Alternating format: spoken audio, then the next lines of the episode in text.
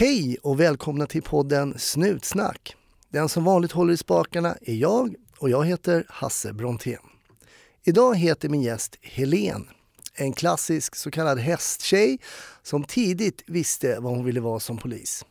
Exakt, på hästryggen. Och så blev det. Hon jobbar idag som ridande polis men hon har även gjort lite annat. Stort tack också för all positiv feedback gällande förra veckans avsnitt där Peter delar med sig av sin historia när han fick dödsbud gällande sin egen dotter. Och Smit gärna in på Facebook när du har tid och gilla oss där. Och vill du följa mig på sociala medier så finns jag också där under mitt eget namn, Hasse Brontén. Ja, även om du har semester så har ju inte Snutsnack det. Under hela sommaren så kommer vi släppa ett nytt färskt avsnitt varje tisdag. Så stay tuned! Men nu blir det lite prat om hästar. Oavsett om du kan rida eller inte, var vaksam med tyglarna och var som alltid försiktiga där ute. Trevlig lyssning. 1310 1070 kom. 1310 Odengatan kom. Ja, det är uppfattat. Vi tar det. Slut. Bra. Klart slut. Välkommen till Snutsnack Helen. Hej, tack. Hej! Andra gången gilt som vi ses. Ja, det är jättepinsamt. Nej, det är det inte alls. Nej, det är så kul att du är här. Mm. Eh, Jag vet att du nu jobbar som, som man kallar det, ridande polis. Yes, det stämmer. Mm. Och det är lite andra varvet du gör det. Ja, jag eh, började där på rytteriet eh, första gången 1993. Mm. Och då var jag där tio år. Första omgången. Mm. Sen jobbade jag med lite annat inom polisen. Och sen började jag på rytteriet igen oktober 2012. Ah, Och där är jag fortfarande. just det. Mm. Men hur kommer det sig att du börjar på, inom polisen då överhuvudtaget? Var, var är du uppvuxen någonstans? I Trosa. Åh, där var jag igår! Jaha, ja men det såg ju jag på Ja. ditt Instakonto. Ja. Jätte... ja, På sommaren är det ju som eh, liksom Astrid Lindgren-aktigt. Ja, det är ju en sommarstad. Ja. Mm. Hur var det att växa upp i Trosa? Litet. Ja. Ja, alla känner alla och lite så. ja. Mm. Men fanns det några tankar där? Gick det någon konstapel där och patrullerade i Trosa? Eller? Eh, nej, alltså jag, nej, det var ju väldigt sällan man såg poliser i Trosa. Det var så? Ja, det var det. Typ aldrig. Och det kom det någon polis så var det från Nyköping. Mhm. Så att, eh, men jag jobbade ju på ett företag som heter Camfil. Monterade luftfilter på den Ah. tiden. Och då var det en ja, men du vet, så här, annons i tidningen typ som låg och skräpade på i paushörnan där. Mm. Vill du bli polis? Så jag bara, varför inte? Ja, det var så? Ja, det var faktiskt så. Men hade du liksom, var det så att du tänkte, ska jag stå här och montera luftfilter eller ska jag göra någonting annat? Kände du att du ville liksom testa någonting annat eller? Ja, ja, men och sen har jag ju alltid sedan jag var jätteliten hållit på med hästar och då var ju det kanske så här ridande polis. Det har man ju alltid tänkt. Mm. Också så. Så det fanns en tanke ja. redan där, Mm.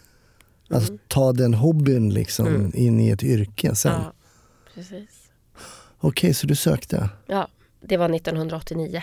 Ja, Eller det var ju 88 då, men jag kom in januari 89. just det. Mm. Så då gick du alltså på eh, Sörentorp då? Ja. Mm. Hur var det då? Skola, gå polisskola sådär? Ja, alltså så här. Nej, det var ju liksom en helt annan värld. Mm. Det blev ju en helt annan värld. Man, ble, man blev ju liksom... Eh, eh, det var som en skyddad verkstad där, när man väl var där. så att eh, det var ju så här den bästa tiden i mitt liv då. Just det. Ja, Då gick vi där samtidigt. gjorde vi? Ja, för jag började augusti 88. Jaha, okej. Då var du med på vår inkilning. Ja, kan ha varit. Ja. Jaha, okej. Mm. Mm, vad spännande. Jag Ja. såg inte dig tyvärr. Va? jag är så besviken. Nej, man hade sin klass. Eh, Det var väl så att det cirkulerade mycket kring dem man pluggade med. Och Mm. De andra kurserna märkte man inte av riktigt så mycket. Nej. I alla fall inte. Ja, de i, som var, vi var ju fem klasser som började samtidigt Just i det, januari. ku- alltså, men jag tänkte de som Ja. var ovan och under Nej. sådär. De, nej. Nej. Hur, mycket, men hur mycket visste du om polisyrke och polisarbete när du kom, liksom började då?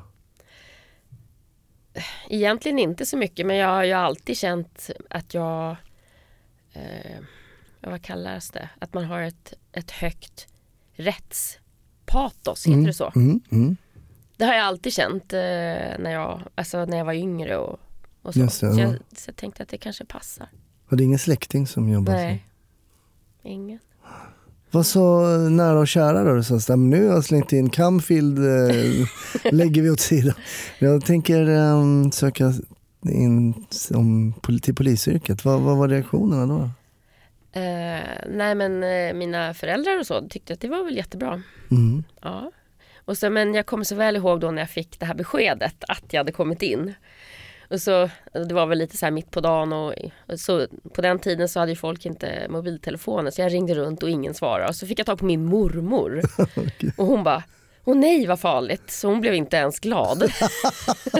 Så den enda som du fick tag på, då vart det lite negativ ja, det var respons där. lite negativt. Ja. Mm.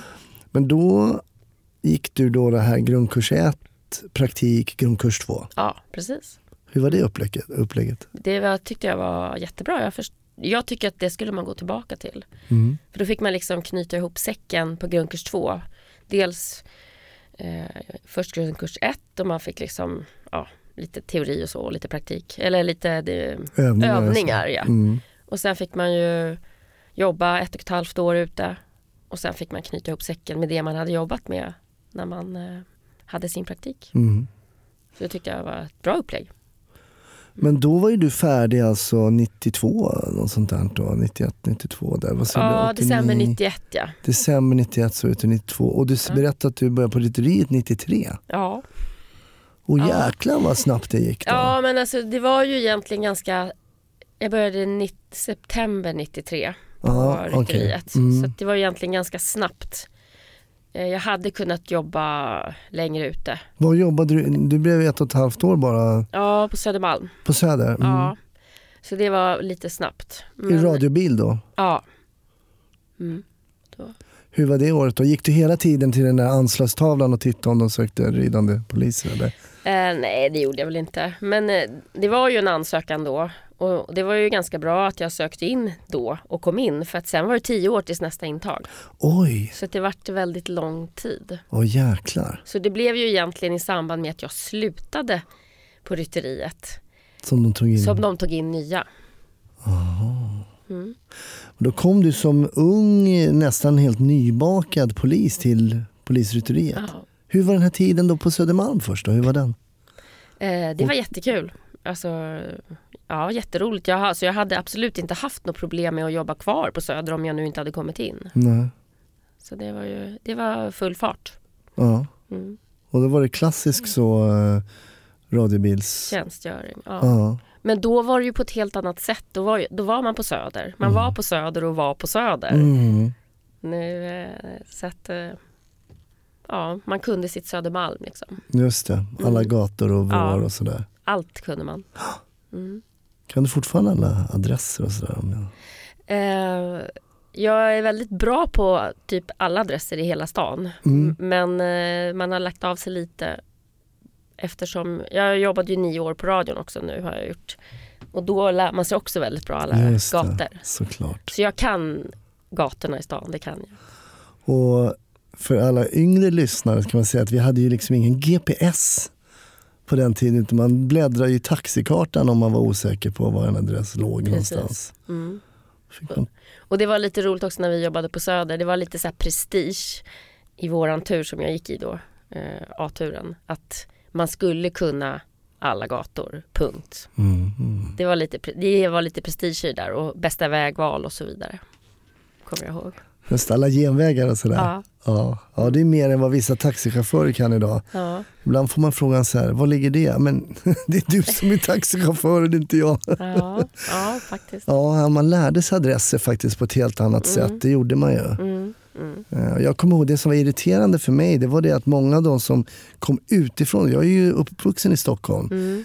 kunde adresserna bättre än mig. Jaha. Ja. Och det har jag helt och hållet skyllt på tunnelbanan. Mm. För jag bara ploppade upp du vet, på Sankt Eriksplan. ja, just det. Ja, här är Sankt Eriksplan. Så skulle man till Odenplan. Då gick man ner Sankt Eriksplan och åkte till Odenplan istället för att gå 500 meter. Mm. Mm. Man kunde inte liksom förstå hur allt satt ihop. så att, ja, ja. Eller så var jag bara kanske dålig på adresser. Ja, nej, men det, det är nog lite så här, jag är nog lite nördig. Jag älskar att läsa kartor överhuvudtaget. Om Ja, jag... det är ju jättenördigt ja, faktiskt. det är nördigt. Ja. Ja, men även om jag ska någonstans, ja, men du vet åka iväg långt. Mm. Då brukar jag så här, kolla kartan först. Så här. Ja, Jaha. så. ja, det är lite nördigt. Fast det är säkert bra. Ja, Det är säkert bra. ja. Okej, så då söker du till rytteriet då ganska snabbt inpå där, Mm. lite radiobilsåkande. Mm. Och hur var det då att komma? Då är du ganska ung tjej som kommer dit. ja, men vi var ju faktiskt eh, fem stycken som började samtidigt då, 93. Mm. Och alla var i samma ålder så att, eh, och ganska unga. Så att det, vi rörde nog om lite i grytan där på rytteriet. Ni gjorde då det? 93, när Ja. vi började där. Mm. Är det så om man, om man vill söka sig till rytteriet, då, man, som du berättar så hade du hållit på mycket med hästar och sådär. Mm. Måste man vara jätteduktig ryttare för att bli antagen där? Eller? Eh, ja, man vill nog ha att det ska vara att man kan rida när man kommer dit. Mm. Mm. Men jag tänker som jag som gjorde lumpen på K1 har ju ridit, jag har ju skrittat och travat och galopperat och kan styra lite. Mm. Tror du en sån kille eller tjej skulle klara antagningen? Eller måste man ha liksom ha tävlat? Och... Nej, det, man behöver inte ha, ha tävlat och så men om du nu inte har ridit sedan du låg lumpen och vill söka idag så Mm. då kanske du har svårt att komma in. Ja, det tror jag nog också. Men eh, man ska väl visa att du kan hantera hästen Mm. i alla gångarter och att, att ehm, man ska känna sig säker ute. Det, alltså de, eh, befälen har ju ett arbetsmiljöansvar också så att det Mm. inte händer någonting. Nej, precis. Mm. Okej, men då, hur god ryttare var du då när du kommer till, till rytteriet där? Eh, nej men eh, jag har ju ridit sedan jag var sex år och, och ridit varje dag sedan jag var tio så att jag var nog en god ryttare. Mm. Men idag är jag en ännu bättre ryttare vill jag nog säga. Är det så? ja, du har ju ridit jättemycket då måste du ha gjort.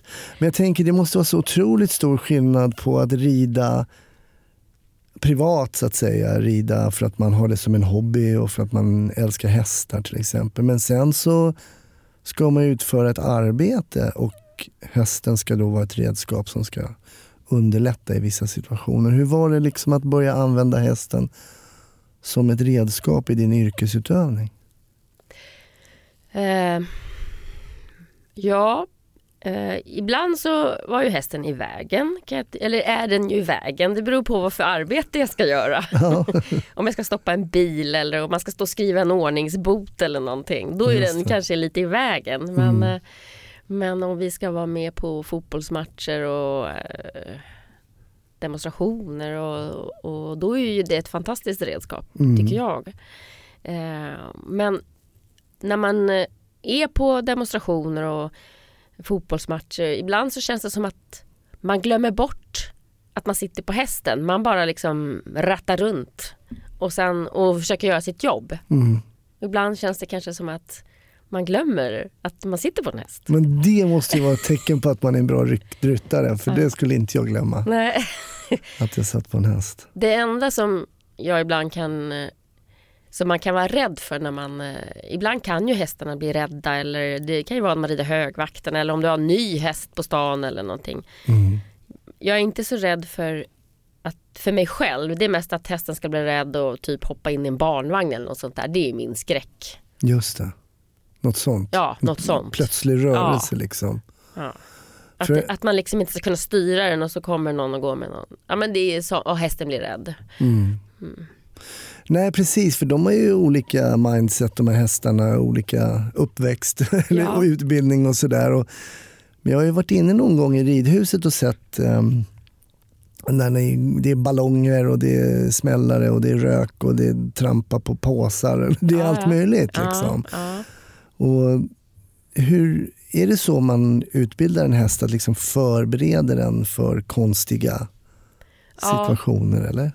Ja, men vi har ju som kallad miljöträning som vi har i ridhuset och så bygger vi upp en bana med lite olika störningsmoment. Som du, en hög med skräp som vi ska trampa på eller för att alltså hästen är ju ett flyktdjur och när det, den inte om den trampar på någonting som den inte vet vad det är eller blir rädd eller någonting då är ju det, den första instinkten att fly. Mm.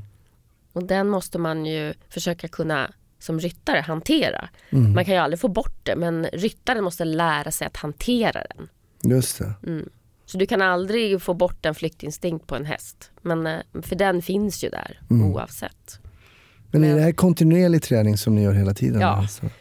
Men, ja precis och eh, det har vi varje vecka i ridhuset. Mm. Inte nu under sommartid men eh, under höst, och, eh, vinter och vår har vi det. Men eh, den, den eh, mesta träningen får ju hästen ändå när vi rider ute. Mm. Så att eh, du kan ju träna dig till döden in i ett ridhus med olika grejer. Men du måste ändå, det är ändå ute som gäller. Just det. Mm. Med bilar och barnvagnar och Ja. allt det där som du berättade. Folk som kommer. En del hästar kan ju till och med reagera på att när det bara kommer många och går på en trottoar så kan de bli så här. Mm. Så att man måste ut och, och liksom.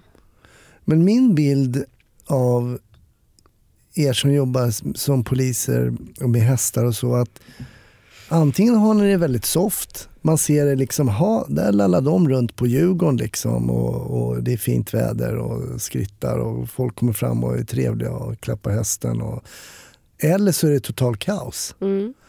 Eh, det är ju liksom väldigt det är ett brett spann mellan det där lugnet och det här. Var du aldrig rädd för när du kom till...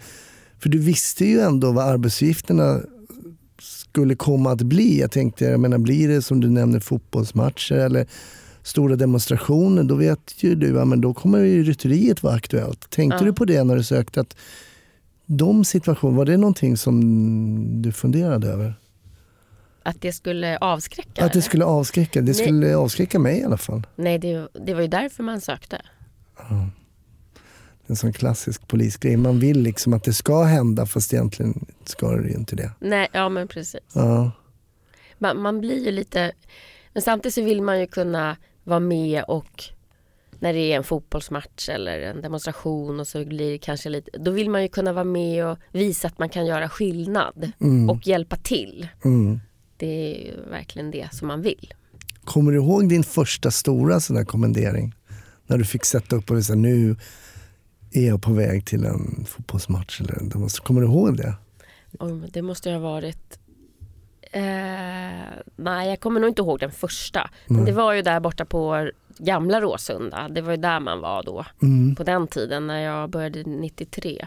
Och då kommer jag ihåg ett derby var det. Och jag, Djurgården var nog med. Mm. Mm. Men de är snälla djurgårdare. Ja, självklart. ja, men då kommer jag ihåg att då var vi 12 hästar och det var ju på eh, den gamla tiden innan vi hade det här så kallade SPT-konceptet som finns nu, särskild polistaktik. Utan, eh, Okej. mm, men vi är i alla fall 12 hästar. Och då eh, hade vi de ena, eh, den ena, ena efter matchen var det här. Ena klacken på, en, på ena sidan av gatan och sen så hade vi den andra klacken där och så var vi mitt emellan. Och så eh, skulle man, ska, de ska ju inte drabbas ihop, Nej, drabbas samman. Mm. Så då fick vi galoppera 12 hästar på kedja åt ena hållet och så fick vi vända och så fick vi galoppera 12 hästar åt andra hållet. så ja, det, det kommer jag ihåg för det var, då var det stökigt. Var det en av de första gångerna som du... Ja, det var nog en av de första gångerna. Men tänkte du då så här, men det här sökte jag helt rätt. Ja, Det var så? ja, det är ju en skön känsla när man känner att man har kommit rätt. mm, Men uppgifterna då, då som ridande polis, där tror jag för många så, så tror jag att det är det som dyker upp. Eh, demonstrationer eller fotbollsmatcher eller något sånt stök.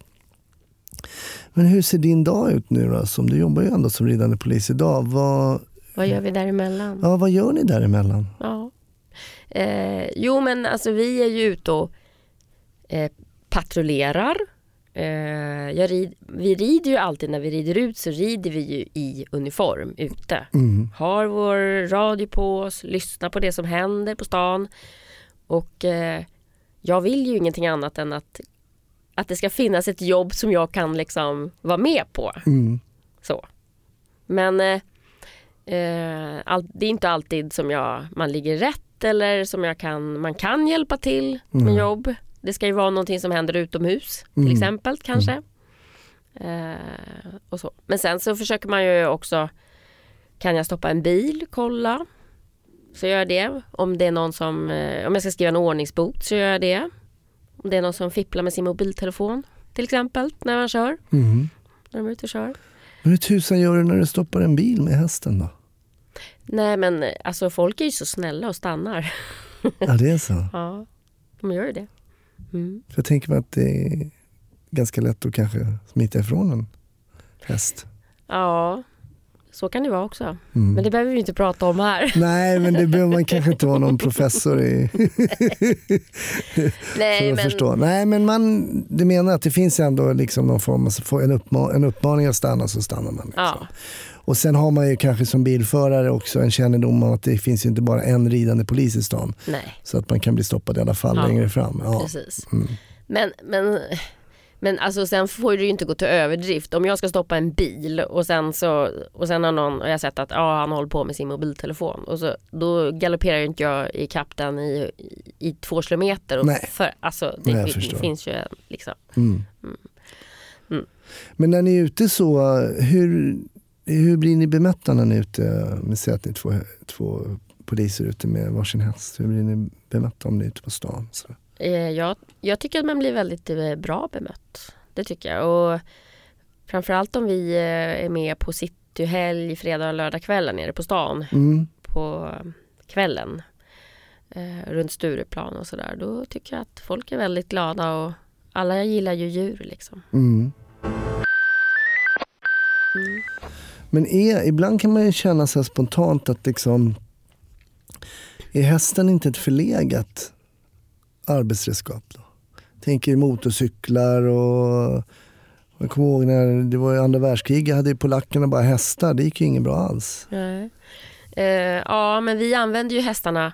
Eh, det kanske är förlegat, jag vet inte. Men samtidigt så använder ju vi dem vid de här kortegerna och så. När kungen ska ut och åka. Mm. Och när han ska ut och åka häst och vagn. Och då, eh, då, eh, då är vi med och då har ju vi hand om skyddet runt vagnarna. Mm. Så att eh, en del tror ju kanske att vi bara rider med för att vi ska vara snygga. Men vi har hand om skyddet runt vagnarna då. Det. Det är vi som sköter det.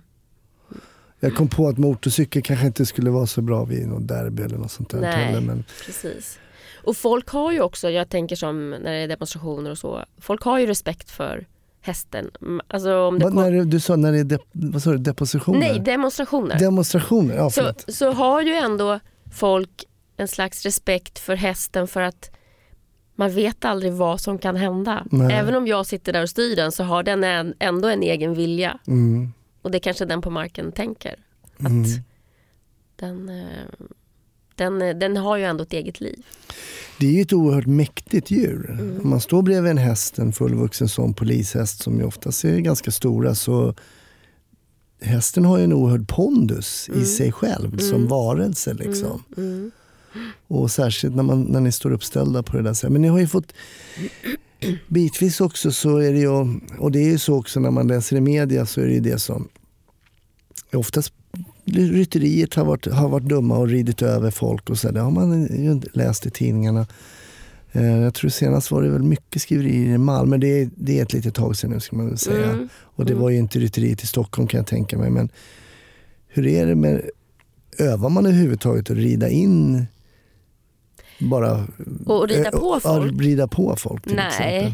Det gör vi ju inte. Men alltså, där nere i Malmö, jag kan inte svara för vad som hände där men eh, alltså, de hade väl fått en skingringsbefallning antar jag, Mm. som de inte hörsammade. Och eh, sen, had, sen kom det väl en order om splittring. Och eh, vi har ju ett arbetssätt som, som kallas för splittring. Men Mm. eh, Och vad innebär splittring då? Det är när, en, när det blir en stor folkmassa som, man är, som är så stökig så den går liksom inte om händerta. Nej. Men man måste ändå göra någonting. Man måste liksom få bort orosmomentet. Mm. Och då, då liksom ska man splittra upp den här folkmassan. Just det, till mindre grupper Ja. då så att säga. Precis. Och det gör man med hjälp av hästar då. Ja, man kan göra det med hästar, man kan göra det med bilar också. Mm. Mm. Och det är klart, står man bredvid en stor häst och den eh, kliver åt sidan eller något så, här, så eh, då är det ju inte hästen som flyttar på sig utan oftast människan. Mm. Mm. De är ju ganska tunga. Mm. Hur mycket väger en häst? Ja, vi brukar ju väga våra hästar med jämna mellanrum och de väger ju i snitt mellan 590 till eh, drygt 750 kilo. Ja, det är så pass stor skillnad Mm. ändå. Ja. Mm. Mm. Jag vet att jag pratade med Magnus som också jobbar på Rytteriet i Stockholm i tidigare avsnitt och då Mm. berättade han att man hade plockat bort en häst i samband med EU. Och det var väl en sån skimmer heter det va? Ja, just det. Den grå. Ja, som stack ut. Mm. Och för då hade man märkt att, att helt enkelt demonstranterna valde en häst som stack ut som man kunde ansätta hårdare med Ja. stenkastning och sånt. Mm. Mm. Det är rätt sorgligt. Ja, det, det är ju enklare om det bara finns en som är... Vi tar en grå istället för att vi tar en brun. Bara vilken bruna? Nej, precis ja. Mm. Ja, det är tråkigt. Mm. Har man alltid en favorithäst? Eh, ja, det har man ju. Ja, Ja. det är så. Man har ju sin tjänstehäst Mm. och då måste det ju bli så att den blir favorithäst. Mm. Men jag har haft några hundförare också på besök i podden och då har man sett att min första hund, alltså, vi kom inte så bra överens. Vi vart aldrig riktigt polare. Ja. Mm. Kan det inte bli så också med om man får en häst att man kanske känner att mm, vi blir inte riktigt polare här. ja, det kan nog bli så. Mm. Ja. Men, och sen, eh, jag har ju haft några tjänstehästar med åren och sen är det ju alltid några som blir lite extra sådär. Ja, som blir en extra kära och sen andra som kanske bara passerar. Just det. Mm. Va- varför blir det så då? Med att en del liksom verkligen eh, knyter an till en mer än, än vissa andra? Eh, Är det som med människor? ja, men dels är det kanske för hur man, om man kanske får överta någon gammal tjänstehäst som redan har varit. Eller om man får en ny tjänstehäst som, som blir mer präglad på Mm. Formar du den då som Ja. första ryttaren? Då? Ja men precis, då blir det ju lite speciellt så. Mm. Men du berättade att du började 93. Mm. Men sen sa du, det sa du innan vi började spela in, det sa att du ledsnade på rytteriet. Sa du. Ja men sen, sen hade jag ju varit där i tio år. Mm. Och, eller det blev väl samband med att jag blev gravid och då gick jag upp och satte mig på radion. Mm. Eller på eh, På ledningscentralen. ledningscentralen, LKC som det hette då. Mm. Hur var det? Det måste ju ha varit ganska tvär, tvärt kast att gå från rytteriet till eh, bli, sitta på ledningscentralen. Eh, ja, det blev ju tvär, tvärkast. Eh, där är det ju väldigt eh, stressigt att jobba. var det ju också om man Mm. jämför med på rytteriet. Så. Hela tiden inkommande jobb och samtal och allting och skicka patruller på jobb. Eh, fast jag kände att jag ville det för att man vill ändå Jag tyckte alltid att de som satt där uppe på radion när man var ute och red och så här och du de låter så coola. Och, Jaha, det, det låter så Alltså, få hö- höra eller vara med om allt som händer i city. Liksom. Mm. Man är Ja. väldigt uppdaterad på allt som händer. Ja, jag kan Mm. tänka mig det. Och det jag kommer ihåg är att jag fick alltid så otroligt fel bild i huvudet av dem som, eh, alltså hur de såg ut. Ja. För att eh, man fick alltid en bild av de här lugna rösterna som man då hörde hela tiden och som skickade en på jobb. Och någon gång när jag jobbade så åkte vi upp med mat upp till, eh, Jaha. gjorde man. Jag tänkte, nej men det kan inte stämma med den bilden. men en röst kan ju verkligen ge en bild av en person som inte alls stämmer. Ja, precis. Så. Antingen blir man glad eller så blir man mindre glad. Eller så blir man väldigt överraskad. Ja, Ja. Men då antar jag att du fick en utbildning först för att bara sätta sig där gör man ju inte. nej. Ja, men eh, ja, jag fick en utbildning först. Mm. Och sen då tar man Tar man inkommande samtal direkt eller om jag ringer 112, det måste skickas vidare då eller hur fungerar det? Ja, då kommer det ju först till SOS Först och sen skickar de Just det. vidare. Just det. De gör någon slags bedömning om det ska till polisen eller... Mm. Ja. Mm. Vad, vad kunde det komma in för vad kunde det komma in för samtal till ditt bord då när du satt?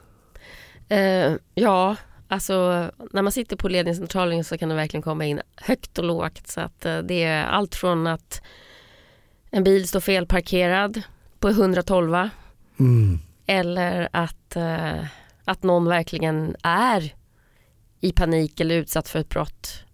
Eh, som bara skriker, någon som blir jagad med en yxa eller det kommer jag ihåg. Det kommer jag ihåg. Hade du sånt? Ja, jag hade ett sånt. En kvinna som eh, var jagad eh, i sin bostad av en man med en yxa. Oj. Och då blir det lite jobbigt och så ska man försöka få ur den här kvinnan vart hon är. Just det. Så det var lite, det är lite stökigt. Hur gick det i det fallet då? Jo, det gick bra. Jag fick fram patruller dit Mm. till slut. Det var ju någonstans åt Södertäljetrakten, alltså på landsbygden. Mm. För jag kan tänka att det kan, vara, att det kan finnas en frustration också att sitta, du sitter ju, om någon ringer och säger att jag blir jagad av en man med en yxa Mm. så är du ju väldigt nära situationen men du är ju fysiskt sett väldigt långt bort så du kan liksom inte hjälpa, handfast hjälpa till. Nej. Att det finns någon, det är ett glapp där som kanske kan vara lite jobbigt. Ja, men det är det. Dels, det kände jag också när man eh, jobbade på radion, att man ibland kände man att man inte räcker till. Dels för de som ringer in, allmänheten, Mm. för att man inte ibland har Alltså man kan inte skicka ut patruller tillräckligt fort för det finns inte tillräckligt många bilar. Jag kan inte Nej. rita en bil på skärmen.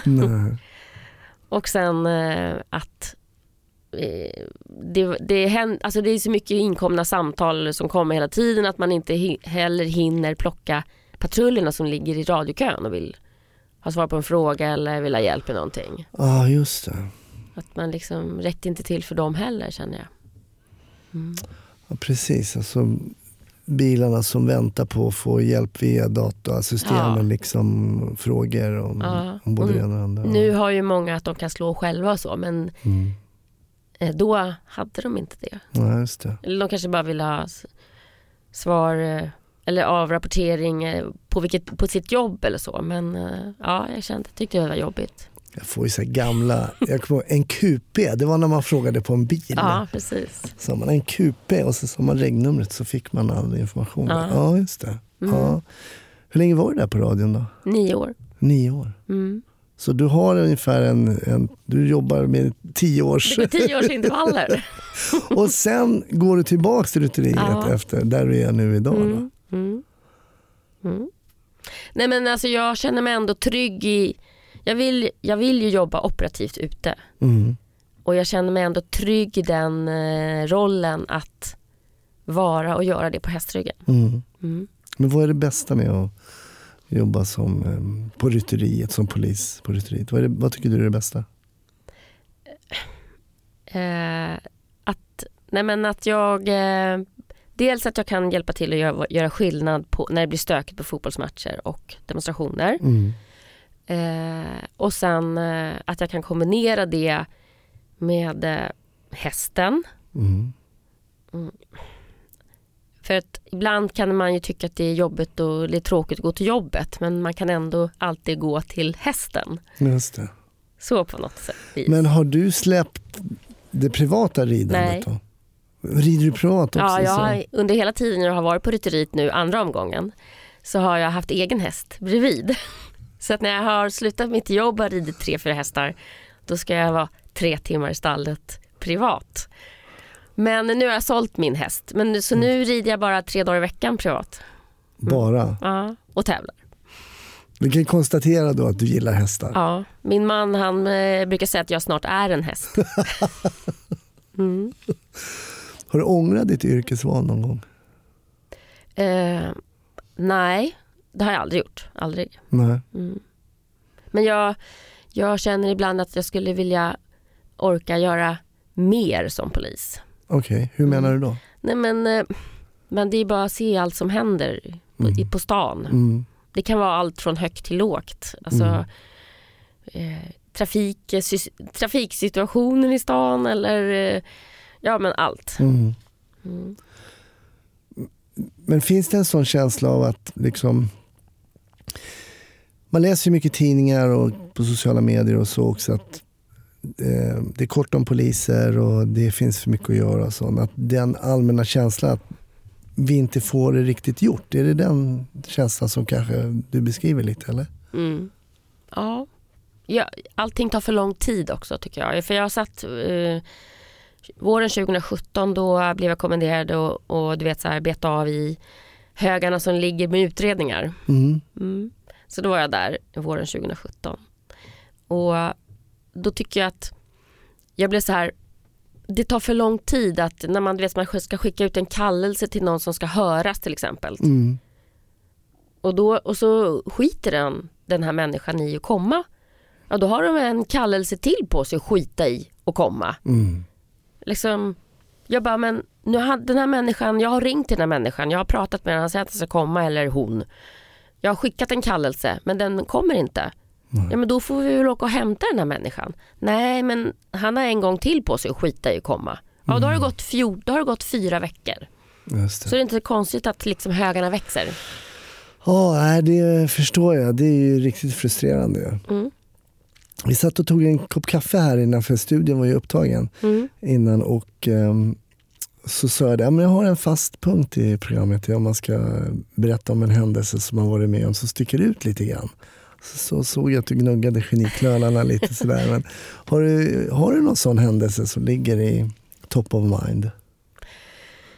Ehm, ja, sånt där är ju jättesvårt och jag sa det också till dig att jag förtränger allt som jag varit med om. Förtränger du det som allting eller generellt eller det som har varit jobbigt bara eller det som också har varit roligt? Um, jag tror att jag förtränger allt.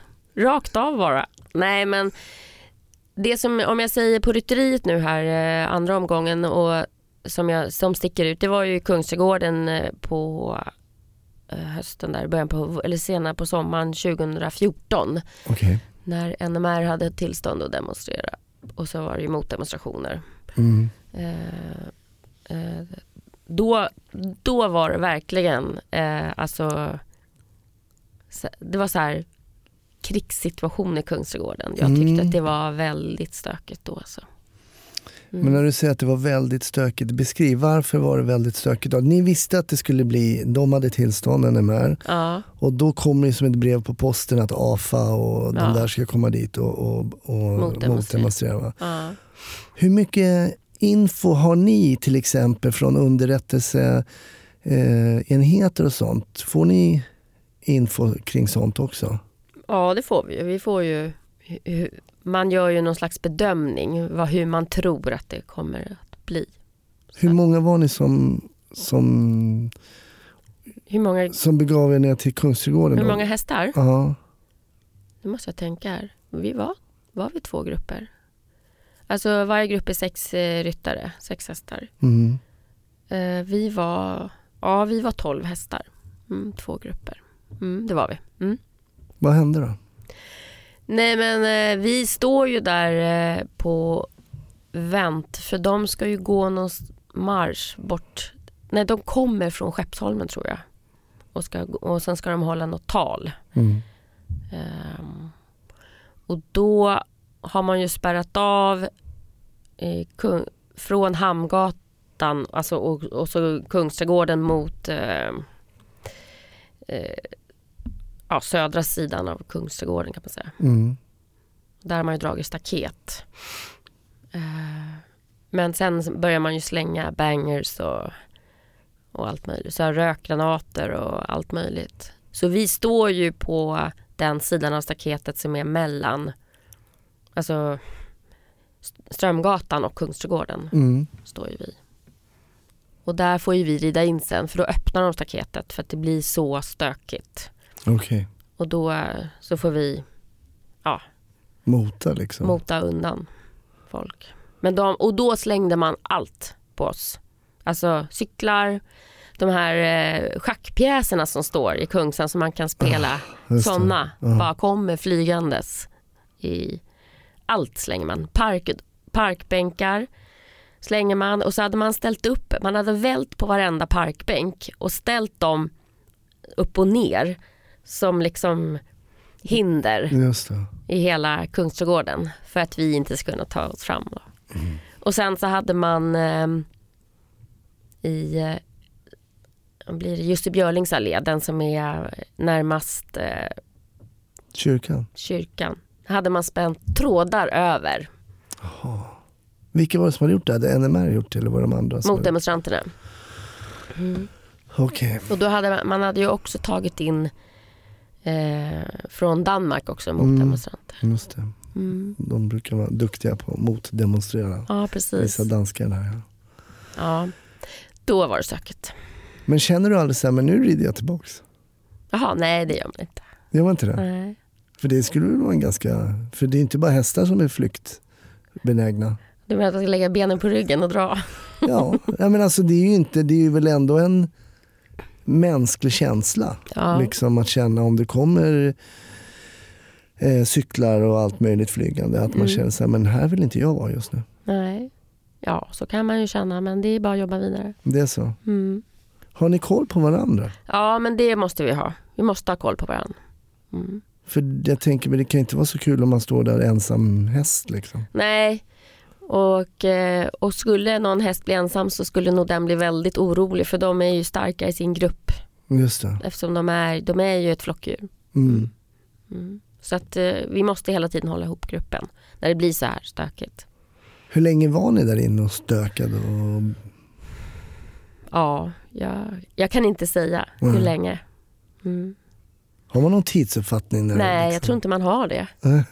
Jag tror att, och sen så tror jag också att tiden känns längre än vad den egentligen är. Mm. Det tror jag Mm. faktiskt.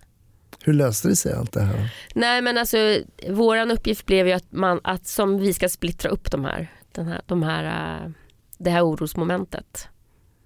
Och äh, ja, det gick bra. Det var ju stökigt men äh, det löste sig ju till slut. Mm.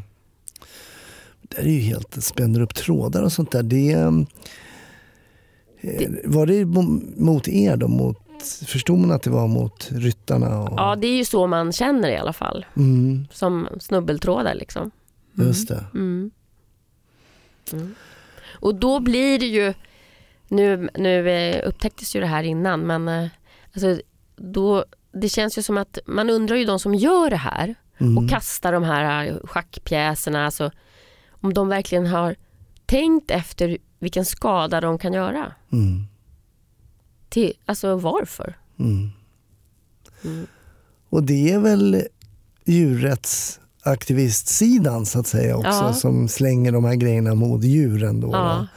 Så då mm, börjar man ju tveka ibland på deras avsikter. Ja, för jag kommer ihåg också det var lite i slutet på den här dagen då så det var ju någon av hundarna som hade fått någonting på, i huvudet, pannan runt ögat som den liksom hade blivit lite skadad. Och då vet jag att det var några som stod och skrek åt han hundföraren och bara jävla djurplågare och men det var ju liksom de själva som hade kastat det. på hunden. Mm. Mm. Mm. Speciella, väldigt speciella arbetsuppgifter. Mm. Mm. Vet du när det är dags för att, att sadla upp inför nästa fotbollsmatch eller demonstration eller något sånt där? Nej, nu är det lugnt på derbyn Mm. tills efter sommaren. Eh, däremot så på fredag så åker vi fyra hästar till eh, Gotland. Mm, Almedalen? Ja. Så det är vi där tio dagar. Politikertjafs. Ja, precis. Ja. ja. okej. Jaha, så då, ni, då ska du dit också Ja. eller? Ja. Så jag har inte varit på Gotland sedan jag var 18 år så det ska bli kul. ja. Men det blir förhoppningsvis lite lugnare Ja. än det var i Kungsträdgården där. Det blir det. Det Ja. kan jag garantera. Men ehm, ja, ja, vi får se. Det, ska väl, det blir väl mest lite så här trygghetsskapande och att vi ska vara där. Mm. Vi ska väl jobba mest kvällstid tror jag. Så det blir väl ordningshållning i gränderna Mm. kanske. Mm. Mm. Inte så mycket stoppa bilar där inne i gränderna. Nej, jag kommer knappt ihåg hur det ser ut i Visby. Nej, nej. Nej, nu tycker jag vi rundar av med lite polisserier och polisfilmer och det vet jag att du gillar. Ja, jag älskar det. Mm. Och inte alls något problem med det här jag jobbar som polis. Nej, och vad fel det blir. Nej, jag har inget problem med det. Nej, vad roligt. Ja. Nej, faktiskt. Men jag... Du ville att jag skulle rekommendera något sånt där, men Gärna. jag har lite svårt. Behöver inte. Men du kan, är det något du liksom eh, tittar på nu som du tycker är bra? Eh, nej, just nu går inget som jag... Jag, jag bara kollar på Follow the Money, men det är ju inte någon polisserie i sig sådär. Det är säkert något brott som begås där ja, också. det är det ju. Vad är det för någonting, Follow the money? Nej, men det är ju en dansk serie.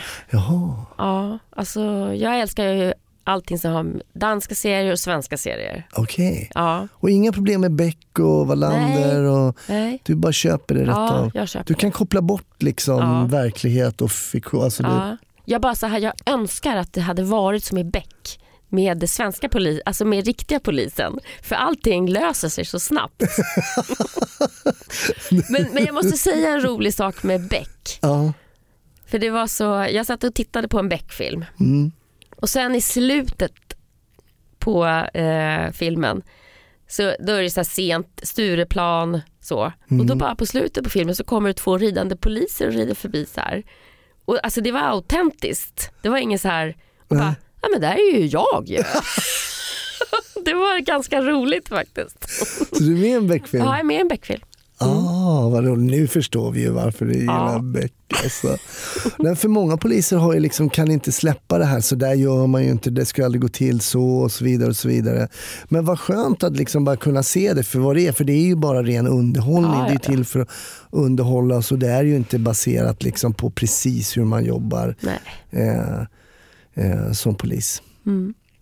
Inga ridande polisfilmer som du... Nej. Det fanns ju han med Cloud. Ja, den länge såg sedan. jag ju. När jag, sedan. men då var jag så liten. Så. Ja, men jag kommer. Mm. ihåg, jag kommer ihåg han galopperade. Den här vignetten. När han, eh, I New York typ. Ja, precis. Ja. Ja, kanske dags för en sån ny svensk version. Ja. ja, jag anmäler mig som frivillig. Ja, det är perfekt. Det är perfekt. Men vad blir det härnäst då? Jag menar, nu har vi haft de här tre perioderna här. Det har ju varit rytteri. Vi räknar nästan inte de första. Det gick så fort du sist kom till rytteriet. Ja. Och sen blev det radio nästan tio år. Och sen är det rytteriet igen. Ja. Kommer du vara kvar där nu då? Tills, eh, pensionär, tills du blir, går i pension? ja, fast jag hoppas att jag slipper jobba tills jag blir 67. Ja, just det. Ja, det sliter hårt på kroppen att rida tre, fyra hästar om dagen. Ja, om man rider extra sen När man är på ledig. fritiden. Ja. Nej, alltså jag vet faktiskt inte Nej. riktigt vad som kommer hända. Nej. Nej. Men du sitter inte och bevakar någon tjänst nej, någonstans, inte. liksom att du vill till mordroten? Jaha, Är det något sånt där? nej Nej, det gör jag inte. ah, okej. Nej. Det ska väl komma något bra erbjudande kanske då. Så. Just det, bli Mm. headhuntad. Ja. Mm. Helene, alltså jättestort tack för att du kom förbi och berättade om din tid där och framförallt om rytteriet och hästar och sånt. Det är, är jättespännande att höra om de här yrkena i yrket som sticker ut lite grann. Mm. Mm. Tack så jättemycket och ha en fantastisk sommar. Ja, tack själv. Tack. Mm.